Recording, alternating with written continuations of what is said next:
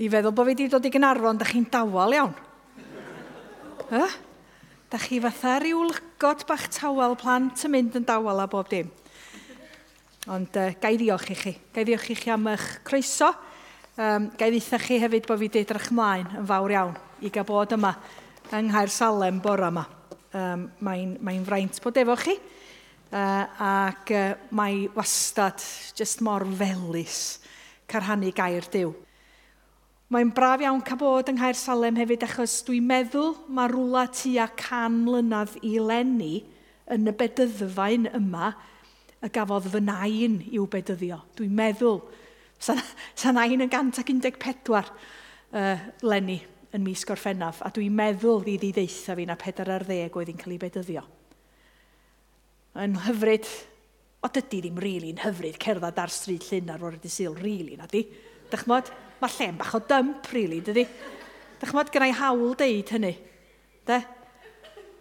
A dych chmod, a ni'r arth atas o'n i'n meddwl, do, do, mae'n ddeud fi fy hun. Atas yna rhyw flash, mae ma Woolworths i cael.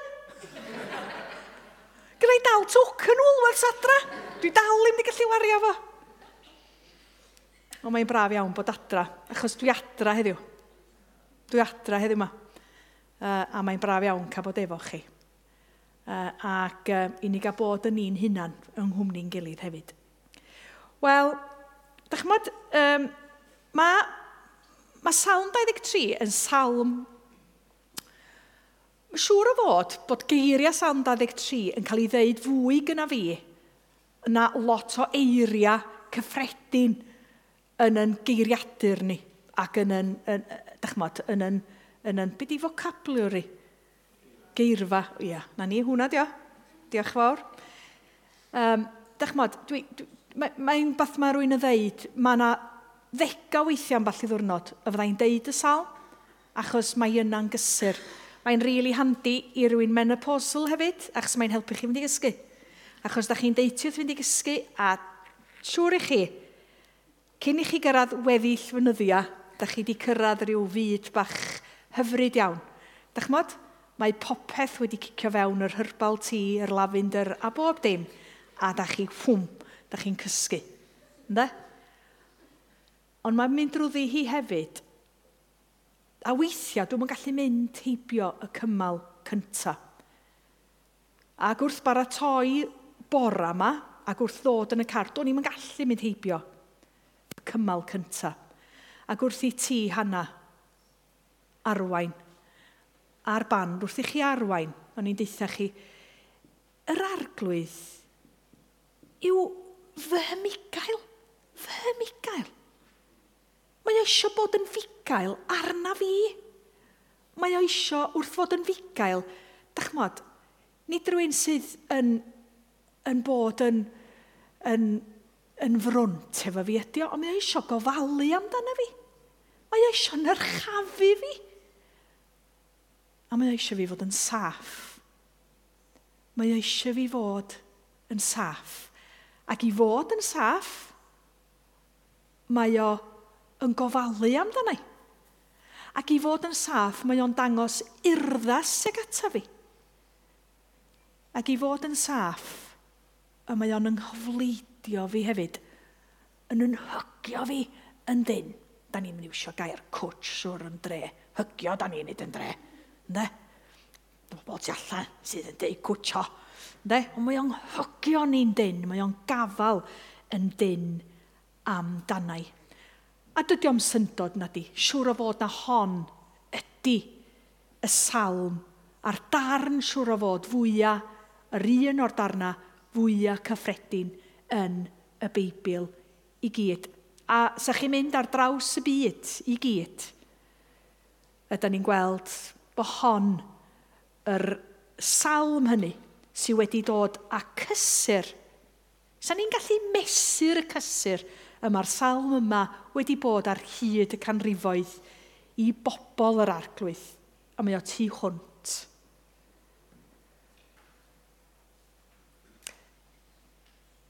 Yn wahanol iawn, dychmod, yn fama, a dwi'n mynd i fod yn dangos sleit yn y man, yn y man, Yma Dafydd yn siarad yn bersonol iawn am yr arglwydd, achos mae o'n hawlio mae'r arglwydd yw ei fugail o.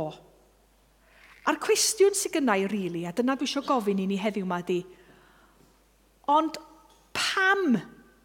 A pam bod ni yma bore yma? Yn yn amgylchiadau ni, yn yn llawenydd ni, yn yn tristwch ni, yn yn galar ni, yn yn gorfoledd ni?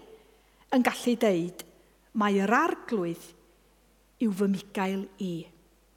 Fyswn ni'n gallu deud, ydy ein bigael ni, dy figael di, dwi'n mynd drwy'r rhediad y ferf yn yma. Wow, si yw rando yn, yn sy'r rhyw, dallwch.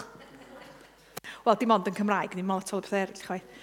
Ond, sa'n so ni'n mynd drwy'r rhediad y ferf, fy migael i, dy figael di, ei figael o, ei bigael hi, yn bigael ni, ei, ei bugail nhw, wel dydy o'n yn bugail nhw achos mae o'n bugail ni a mae o'n y lluosog y fanna.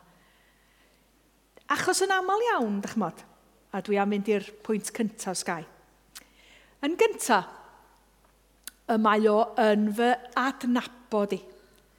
Mae o yn fy adnabod i. A gyda llaw, dwi dy'r ei llun, achos da chi'n gofyn, dyda'ch am o, beth i hanes yr, yr wires fach, o dyma hi, Mari, Mae dipyn bach o hwli gan ydy gwertha chi. Dych bod? Mae hi, o'n i'n ôl i o'r nursery ac oedden nhw'n dweud, o, oh, sut wrno mae wedi gadw i di bita i bwyd? O, do. Di bob dim yn iawn, wel na, i'm cweit, nwch chi seinio fa yma. O, be mae wedi wneud? Di di brathu rhywun? Na, na, na, na, na, just gratio rhywun. Dych mod? A dych mod, o, oh, no. Ond pam dych chi'n ôl hi? O, mae hi rydw i breichia'r led ac mynd, A mae gweld plentyn yn dysgu adnabod chi fel nain a taid yn beth anhygoel. A mae o'n dod â ffasiwn, ffasiwn lawenydd i chi. I rei honna chi sgyn y fraint yn dwi'n gweld nerys yn odio yma yma. Dych Dychmod, maen nhw'n adnabod chi. Ac ydych chi'n bob dim iddyn nhw. A'r gêm fach na, weithiau fyddai jyst ar FaceTime, A mae Hew yn dod, a mae Hew yn mynd, hai, a Mariam yn mynd, fel hyn. A ti'n meddwl, sa'n byd mor ffynnu a hynny, na chdi? De? Yn fadnabod i. A'r temtasiwn yng nghyfnod Dafydd yn anffodus oedd fod, oedd siarad am ein diw. Gwrando o Israel ym yr arglwydd ein diw yn arglwydd. Dyna sy'n deud yn diw teronomion. Gan anghofio fod diw Israel yn ddiw i'r unigolyn hefyd. Oedd hwnna, oedd hwnna'n, yn, yn, yn dachmod, oedd hynny'n digwydd yn aml iawn bod meddwl mae diw y genedl. Mae'n diw ni felly. A nad oedd gennau ddim y gwaith yna i wneud dros fi fy hun. Y gwir amdani di ffaith fod fy nai ni wedi cyffesu ffechoda, wedi cael ei bedyddio yma, yn y bedyddfaen yma, gam mlynedd yn ôl. Di hynny'n deud dim byd am yn ffydd i yna chdi. Dydy'r ffaith fod yngwr i'n weinidog ddim yn deud dim byd am yn ffydd i. Mae rhaid i fi adnabod o'r arglwydd fel fy migael drosta fi fy hun. Drosta fi fy hun. A dwi'n gallu gwneud hynny am i fod o yn fadnabod i.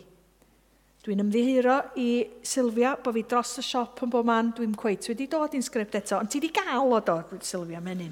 Menyn dda beth. Dwi'n abod Sylvia hefyd, eich mod. Bobl wein, da ni'n dall yn gilydd yn iawn. Ia, yeah, yes, bobl wein. Mae groesau unrhyw un arall rei cheer bob tro dwi'n deud y gair wain fawr hefyd, de. Ond na'i'n deud wain fawr, dych o wein ddidau beth fyna. Wei! A dych chmod, da ni'n gweld wedyn, pam da ni'n dod i'r testament newydd, a dwi jyst eisiau darllen chydig bach o lyg pymthag yn fama. A da ni'n gweld felly yn y ddafad golledig bod y bugail da yn nabod pob un o'i ddiadell. Pwy bynnag ydy hi? A da ni'n gweld hefyd y ddamad golledig, da ni'n gweld fel mae'r arglwydd yn gadael y 99 er mwyn chwilio am yr un. Mae ei ofal fel bugail mor fawr ohono ni. Dychmygwch, dwi'n darllen rwan o lyg. Um, dychmygwch fod gan un ohonoch chi gant o ddefaid a bob un ohonyn nhw wedi mynd ar goll. Ond i fyddai'n galw y 99 ar y tir agored ac yn mynd i chwilio am y ddafad aeth ar goll nes dod o hyd iddi. A phan mae'n dod o hyd iddi, mae o mor llawen. Mae'n ei chodi ar ei sgwyddau ac yn mynd adra. Wedyn, mae'n galw ei ffrindiau gymdogion draw ac yn dweud wrthyn, Dewch i ddathlu, dwi wedi dod o hyd i'r ddafad oedd wedi mynd ar goll. Wir i chi, dyna sut mae hi'n yn efoedd. Mae mwy o ddathlu am fod un pechadur wedi troi at ddiw nag am 99 o bobl sy'n meddwl i bod nhw'n iawn a ddim angen newid. Dafydd felly yn defnyddio'r trosiad bugail i ddisgrifio Dyw. Nid dim ond enw neu dynodiad am yr arglwydd, ond perthynas rhwng y Dyw byw a'i gyfamod efo'i blant. A nid jest gofalu. Dach chmod, dach chmod yr dywediad yna? A ydych chi'n glwad a pan mae bobl eisiau bod yn bolsi fel arfell. I have a duty of care. Oh, get over yourself. Actually, dwi isio gofalu. Dwi ddim just eisiau ticio'r bocs. Dwi isio gofalu. Dwi isio dangos urddas. Nid duty of care. O gwbl. Ond yr arglwydd isio gofalu amdana ni. Pam? am ei fod o'n yn caru ni'n angerddo. Ac wrth gwrs, mae wedi dangos maint aruthrol i gariad drwy roi ei fab i farw drosto ni. Dyna faint mae o'n yn caru ni. Ail bwynt. Mae o hefyd yn darparu ar fy nghyfari. O, ond chi Pwy sy'n gwybod lle mae'r llun yma? Dilo fyny. Wyddfa. Ww! Mae hwnna'n ges arbennig. Sa'ch ti'n troi rownd, ti'n sbio ffordd na, ond sa'ch ti'n troi rownd, sa'ch ti'n gweld yr wyddfa. Da iawn chdi. So be da chi'n gweld na, ci? Moel eilio, dio. A deud y gwir, moel eilio, moel gron wedi dod lawr o moel gron yn edrych. So mae gennych chi moel eilio, moel gron, moel goch, moel... neu fel arall rownd. Na, moel eilio, moel gron, moel goch, moel cynghorion, wyddfa. So moelydd yr wyddfa. A fel da chi'n dod lawr, so os da chdi bod fyny, eich chi fod yn ofalus, de? Achos mae'n gallu bod yn dodgy fyny fan a weithiau. Cofiwch chi, fel oedden nhw'n deitha ni'n blant yn wein, Um, cofiwch, um, da chi ddim i fynd bellach na pen y foel. Cerwch chi fyny a dwch lawr yr un ffordd. Bwysig gwrando. Mae eisiau bod yn malus go iawn yma yma. Mwy, leilio, mwyl gron. A da chi'n dod lawr o foel gron. Gwnewch chi siŵr bod chi'n aros ar y moelydd a bod chi'n mynd drost foel goch. A da chi'n misio achos mae'n rili really fyny, mae'n serth. Dach chi rili really ddim eisiau dringo fyny hwnna. Ond pe bai chi yn ei camgymeriad a mae yna lwybr defaid yn troi i'r chwith. Wan ta, da chi ddim eisiau mynd lawr ffordd na, achos da chi'n dod i cwm deithwch. Rwy'n di bod yn cwm deithwch rioed? Da chi ddim... Ti wedi bod yn cwm deithwch? Dwi'n mynd le neis na di.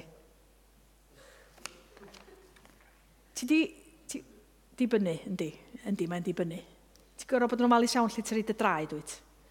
Achos mae yna afon yna. Dych beth enw'r afon?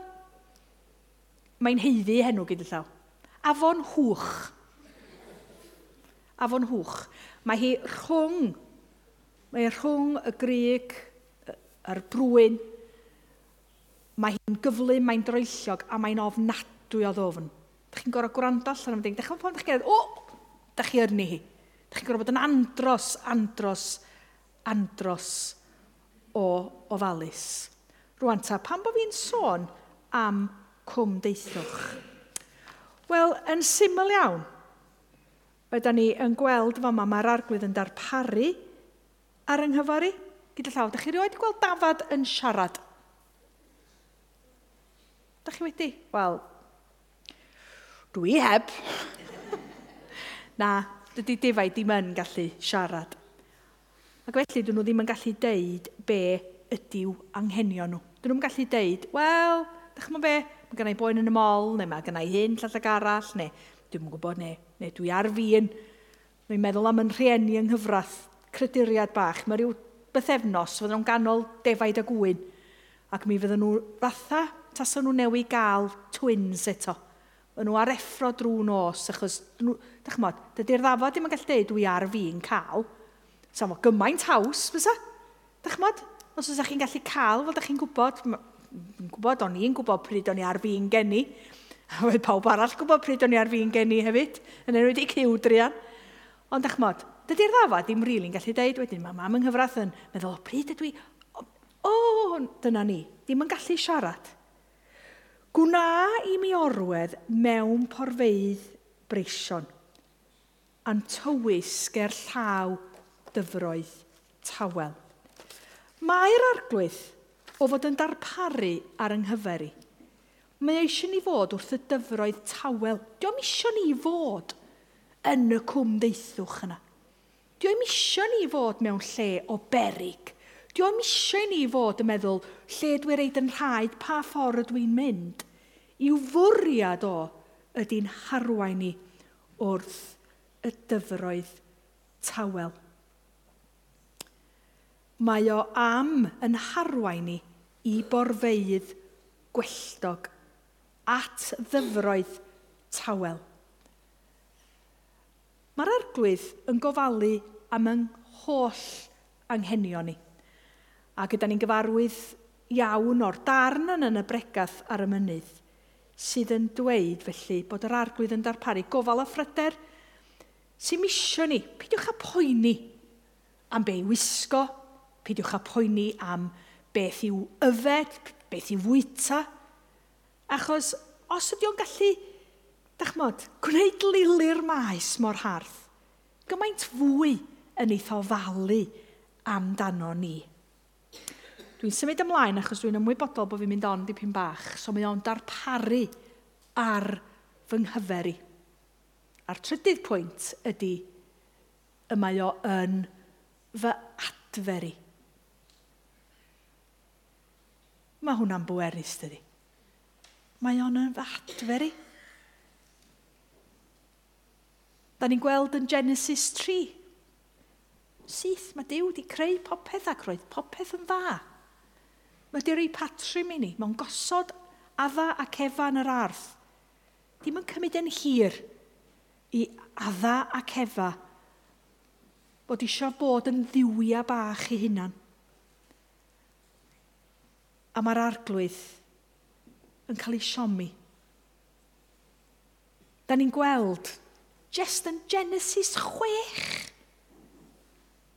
reit ar y dechrau, da ni'n gweld yn hanes Noah, fod popeth yn ddrwg. Fod popeth wedi mynd yn bell bod ni wedi crwydro. A da ni'n gweld hefyd yn yn bywyda'n hunan, yn bod ni'na'n crwydro.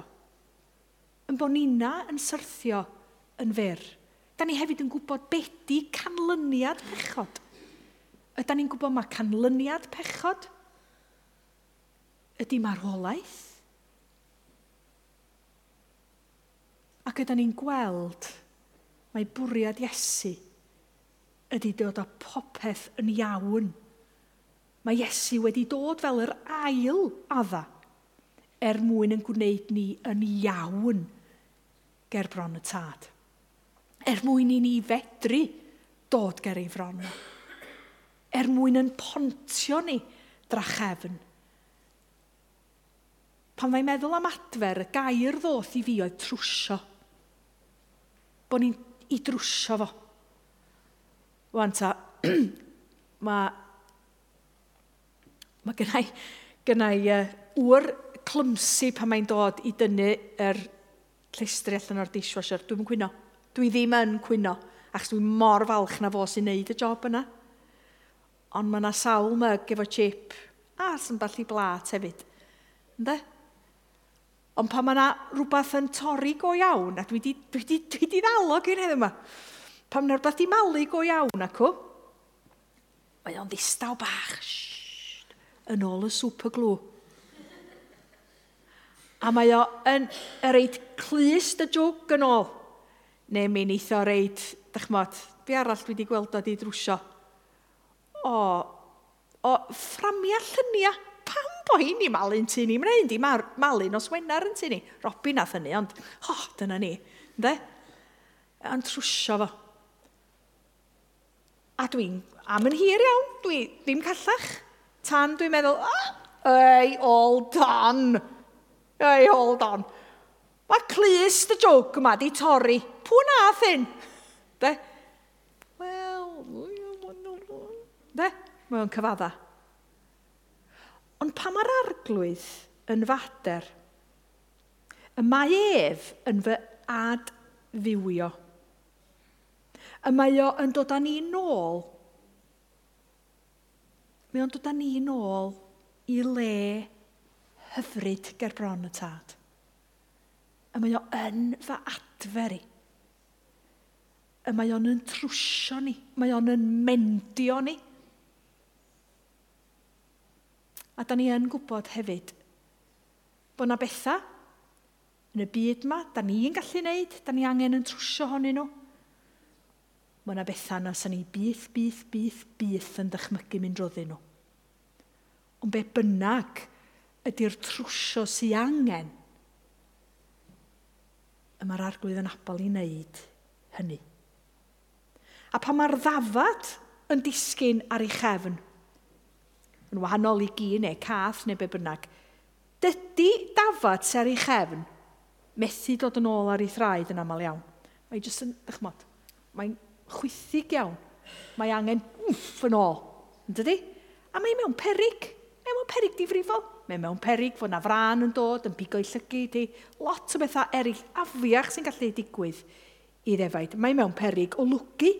Mae mewn perig o fygu.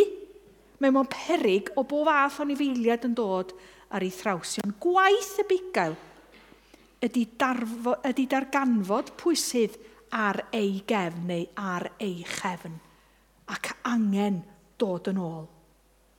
A da ni na hefyd yn yn brifo, yn yn angen am adferiad, ydy ni'n gallu bod yn styfnig, ond mae'r arglwydd ydy'r un fel bigael sy'n dod i'n troi ni yn ôl.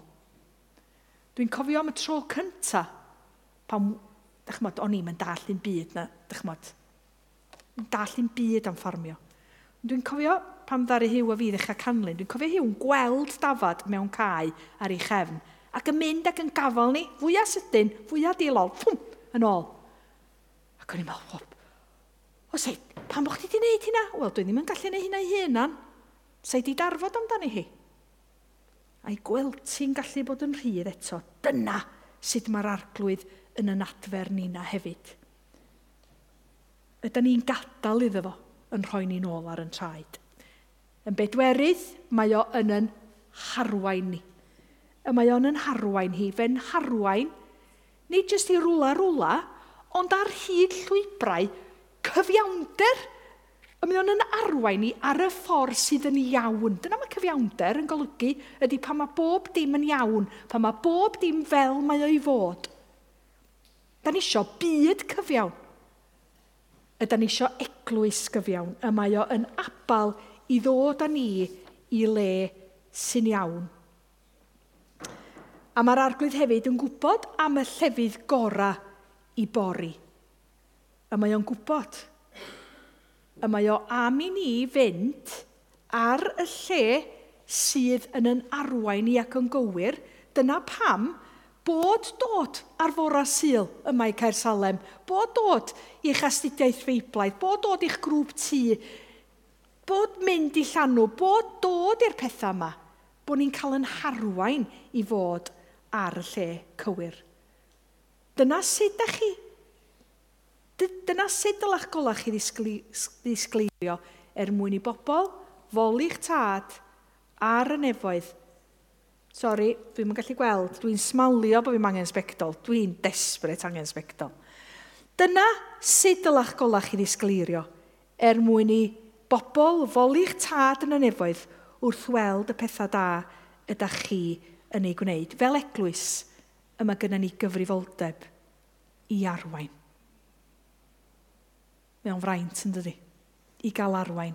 Gallu bod yn scary, byddi? Dri, maen nhw'n sbio yna ni chi. Dri, maen nhw'n sbio. Bobl dren sbio ar gweno. Deud, si ma gwen, be, be wneith gweno fama wan? Be wneith gweno? A mae'r arglwydd yn llawenhau ar ei arweiniad hi. Yn llawenhau ar ei geirio anogaeth hi. Achos i bod hi'n abod i bigael ac yn bumed. Y mae'r arglwydd yn fy amddiffyn ni, er i mi gerdded drwy ddyffryn tywyllu, er mod i weithio yn landio'n cwmdeithwch, er i mi gerdded trwy ddyffryn tywyll di. Nid ofnaf unrhyw niwed oherwydd yr wyt ti gyda mi. A thwy alen a ffon yn fy nghysuro. Mae'n anodd deud hynna heddiw yma, dydy? Dydy? Dwi eich alun anodd deitha chi. Ond dyna di'r reality. Er i mi gerdded drwy ddyffryn tywyll di. Nid ofnaf ni wed. Oherwydd rwy ti gyda mi. Be bynnag dyn ni wynebu, mae'r arglwydd efo ni.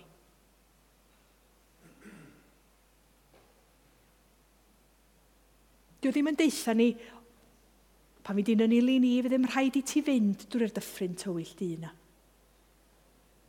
A da ni'n gorau mynd drwy'r dyffryn tywyll di. A maen nhw'n amseroedd anodd blin a chalad. Maen nhw'n boenus. Maen nhw'n unig. Ond mae Dyw yn addo i aros gyda ni a'n cynnal ni ar amseroedd anodd yma. Ac mae o'n dyrchafu ni i ryw le ac yn rhoi heddwch i ni na fedar y byd byth i reid i ni. Heddwch dofn tangnefedd. Dych chmod, yr hedd na wir y byd amdano, mae o'n rhoi hwnnw i ni a mae eisiau reid hwnnw i ni. Ac yna, dwi'n bron a cyrraedd y diwedd. Y mae o'n fy nghysuro fi a thwialen a thffon yn fy nghysuro. Wan ta, dwi wastad wedi meddwl am wialen, de? Ctw! Dwi'n meddwl am rhyw fath o gansan a dweud y gwir. Mae gen nhw, meddyliwch, oh, pam ni'r sgol? Dim lot yn ôl, wel, o, actually, blynyddoedd, degawdan o. A dal sôn am gansan. Ych a fi, horrible. Ynda? Ydda. O hynna'n wrong, actually, doedd. Doedd, dwi falch bod nhw wedi gweld bod hynny'n wrong. Ynda? Ond o wialen a ffon yn fy nghysuro. Dwi'n di ddilyn y not, swan, achos dwi eisiau cael hyn yn iawn, achos dwi'n anghofio. Yr un y i'r un peth yn ôl y sôn oedd y wialen a'r ffon. Ac oedden nhw'n cael ei defnyddio i ddychryn anifeiliad eraill sy'n dychryn y ddafad. So, dychmod, yr, yr anifeiliad gwyllion yna, bod nhw yna i hel nhw i ffwr. Ond hefyd, y mae'r ddolen, gennau ambarel, lawr o fanna, mae'n sgeri ambarel, di gwir, a mae'n fatha, dychmod, chmod, dolen ni. A mae'r ddolen yna hefyd i gymell y ddafad i ddod yn ôl. I ddod yn ôl at y ddiadell o ddefaid, ond i ddod yn ôl at y bugail. A hefyd, pe bai fi yn defnyddio'r ddolen yna, da chi'n fatha typical ffon bugail, sa chi'n defnyddio i? Da chi'n defnyddio i er mwyn cael gweld y ddafad yn es? Er mwyn i, i chi gael speculatio'r ddafad? Er mwyn i chi gael gweld, o, Faint faint oedd, Mae'n todd anad sgyn hon ar ôl yn ei ffen. So ball yn bod yn ni. A mae o'n cael ei ddefnyddio er mwyn edrych yna ni ac er mwyn i weld nad os na ddim man. Mae hefyd yna i gyfru'r defaid. Mae yna sôn drwy'r amser yn yr hen testament am fod o dan y wialen er mwyn cael dod o hyd i'r ddafad sy'n ar goll. Felly, Mae'r wialen a'r ffon yn cysuro y ddafad. Mae o'n helpu y ddafad. Ac mae o'na hefyd, mae'r wialen a'r ffon yna i helpu yn bywyd ysbrydol a'n bywyd defosiynol nina hefyd. Yn bywyd defosiynol ni i ddod â ni nôl. Dach chmod, da ni gyd. Da ni gyd yn gallu mynd fel hyn ran yn bywyd defosiynol, Dwi'n mynd drwy Joshua ar hyn o bryd. A dwi'n stryglo, mam bach dwi'n stryglo. Dwi'n rili, rili, rili'n stryglo. A dwi'n deud wrth Hew, dwi'n stryglo Hew. Neu dwi'n gwybod ti wedi deitha fi, dwi wedi deitha fi, ond dwi'n mynd i ddal ati. Mi ddudodd fi jyst cyn dolyg. Nan, jyst dod os drwy'r advent, ro brec i chdi dy hun. Da ni'n stryglo weithiau dydyn. Da ni'n stryglo. Chmod, hyd yn oed arweinwyr, da ni'n stryglo.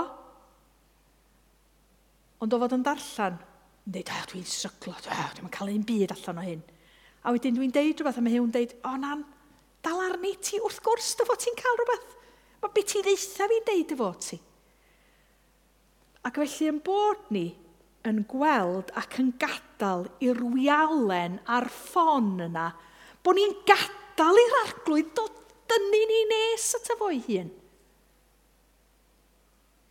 Da ni mond yn gallu gwneud hynny drwy fod yn ei airo, drwy fod mewn cymdeithas a drwy fod mewn gweddi. Mae o isio yn cysuro ni. Ac y marwialen hefyd yna i helpu wrth sefyll temtasiwn. Mae hi yna i'n harbed ni rhag gwneud y dewisiadau anghywir y mae dy eiriad i yn lam i'n traed ac yn goleuo fy llwybr. Rwan ta, dwi'n mynd i fynd syth ymlaen i'r pwynt ola. Y mae'r arglwydd yn fy nyrchafu.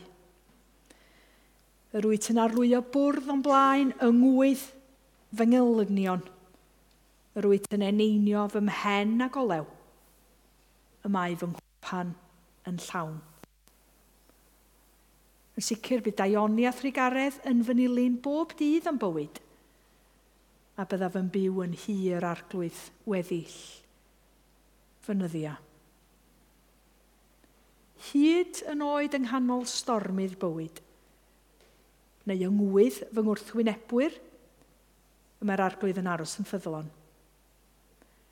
Ac mi oedd hi'n arfer doedd eneinio penna efo olew gan ychwanegu persawr iddo fo, bach o sent yno fo. Ac mae'r ffiol yn cyfeirio at garreg sydd wedi ei naddu, sy'n gallu dal galwyn o ddŵr. Ac yn fama y fydda'r defaid yn dod i yfed. Felly mae o'n golygu fod gen i lawer iawn – mwy na fyddai bus mwy angen. Ydych chi'n credu hynny heddiw yma? Bod yr arglwydd yn darparu fi, pan ydych chi'n meddwl bod eich cwpan chi'n llawn. Mae fel tasach chi yn rhoi eich cwpan o dan reiadr. A da ni'n gwybod, dych mod, a mae o yn gorlifo. Mae o'n overflowio. Yn dydi? Pe ba ni'n neud hynny? A dyna sy'n digwydd yn fama. Y mae o'n yn yrchafu fi. A mae o'n rhoi i fi llawer iawn fwy, sicr, mae'n rhoi llawer iawn fwy neu fi na dwi'n heiddi, ond mae o actually yn rhoi llawer iawn fwy i fi na dwi angen hyd nid. Dyna faint i fendith o i fi.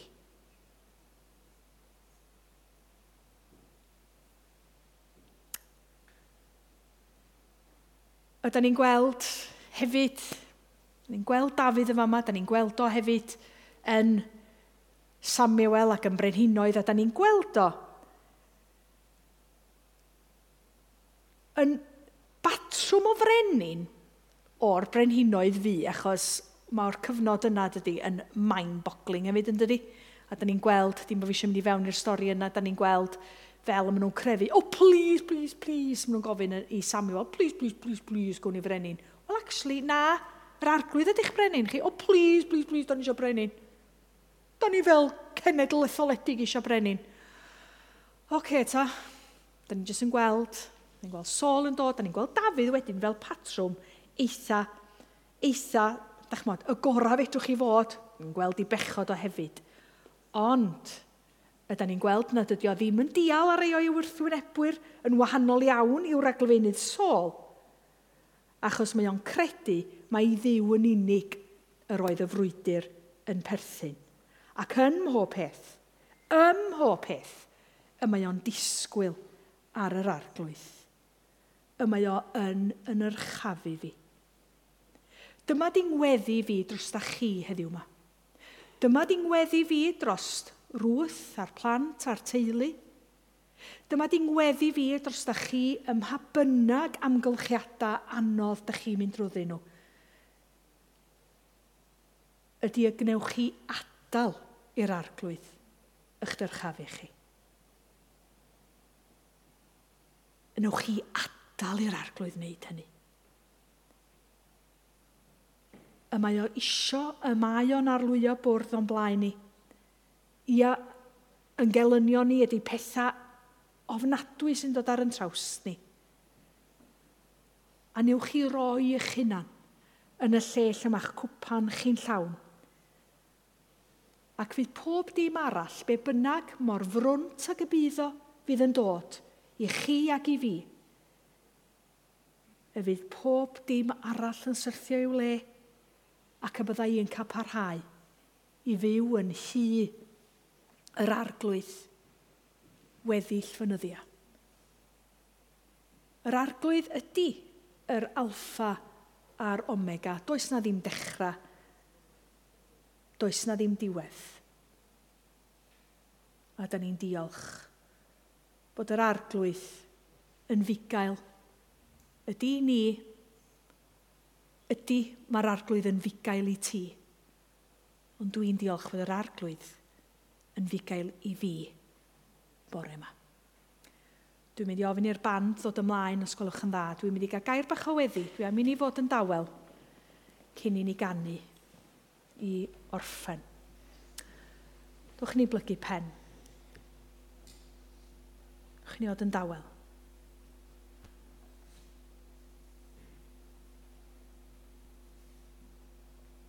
Arglwydd dad graslon da ni'n diolch i ti yn bod ni'n cael dy alw di'n fugail i fi. A bod pob dim er gweitha anhegwch, er gweitha pechod y byd, er gweitha'n poen, bod popeth yn ddiogel yn dy ddwylo di. Yn diolch i ti, dy fod ti wedi arlwyo bwrdd o'n blaen ni. Dy fod ti wedi eneinio fy mhen ni a golew. Ac fod y ffiol hwnnw yn llawn. Na dydio byth yn gwagu, ond i fod o'n dragwyddol yn llawn. Helpa ni o ddiwyn tad, dwi'n gofyn i ti drwy nerth dysbryd glan, i ddisgyn arno ni, a drwy nerth ysbryd galan i'n cysuro ni yma y bore yma. Ac y byddwn ni hyd yn oed yng nghanol dryswch, yng nghanol yn diniweidrwydd yn gofyn pam, y bydd i di yn yn atgoffa ni. Dwi'n fugail i ti. Dwi isio bod yn fugail i ti. A dwi di rhoi yn hun drosta ti. Diolch i ti o dad diolch i ti mae bigael fel hyn wyt ti. Byddwn ni'n dod yn wylaidd iawn ger dy frondi. Ac yn gofyn i ti ymdrin â ni, i dy rast i ddisgyn fel gwlyth arno ni, trwy nerth yr ysbryd glân, ac yn enw bendigedig Iesu ei hun. Amen.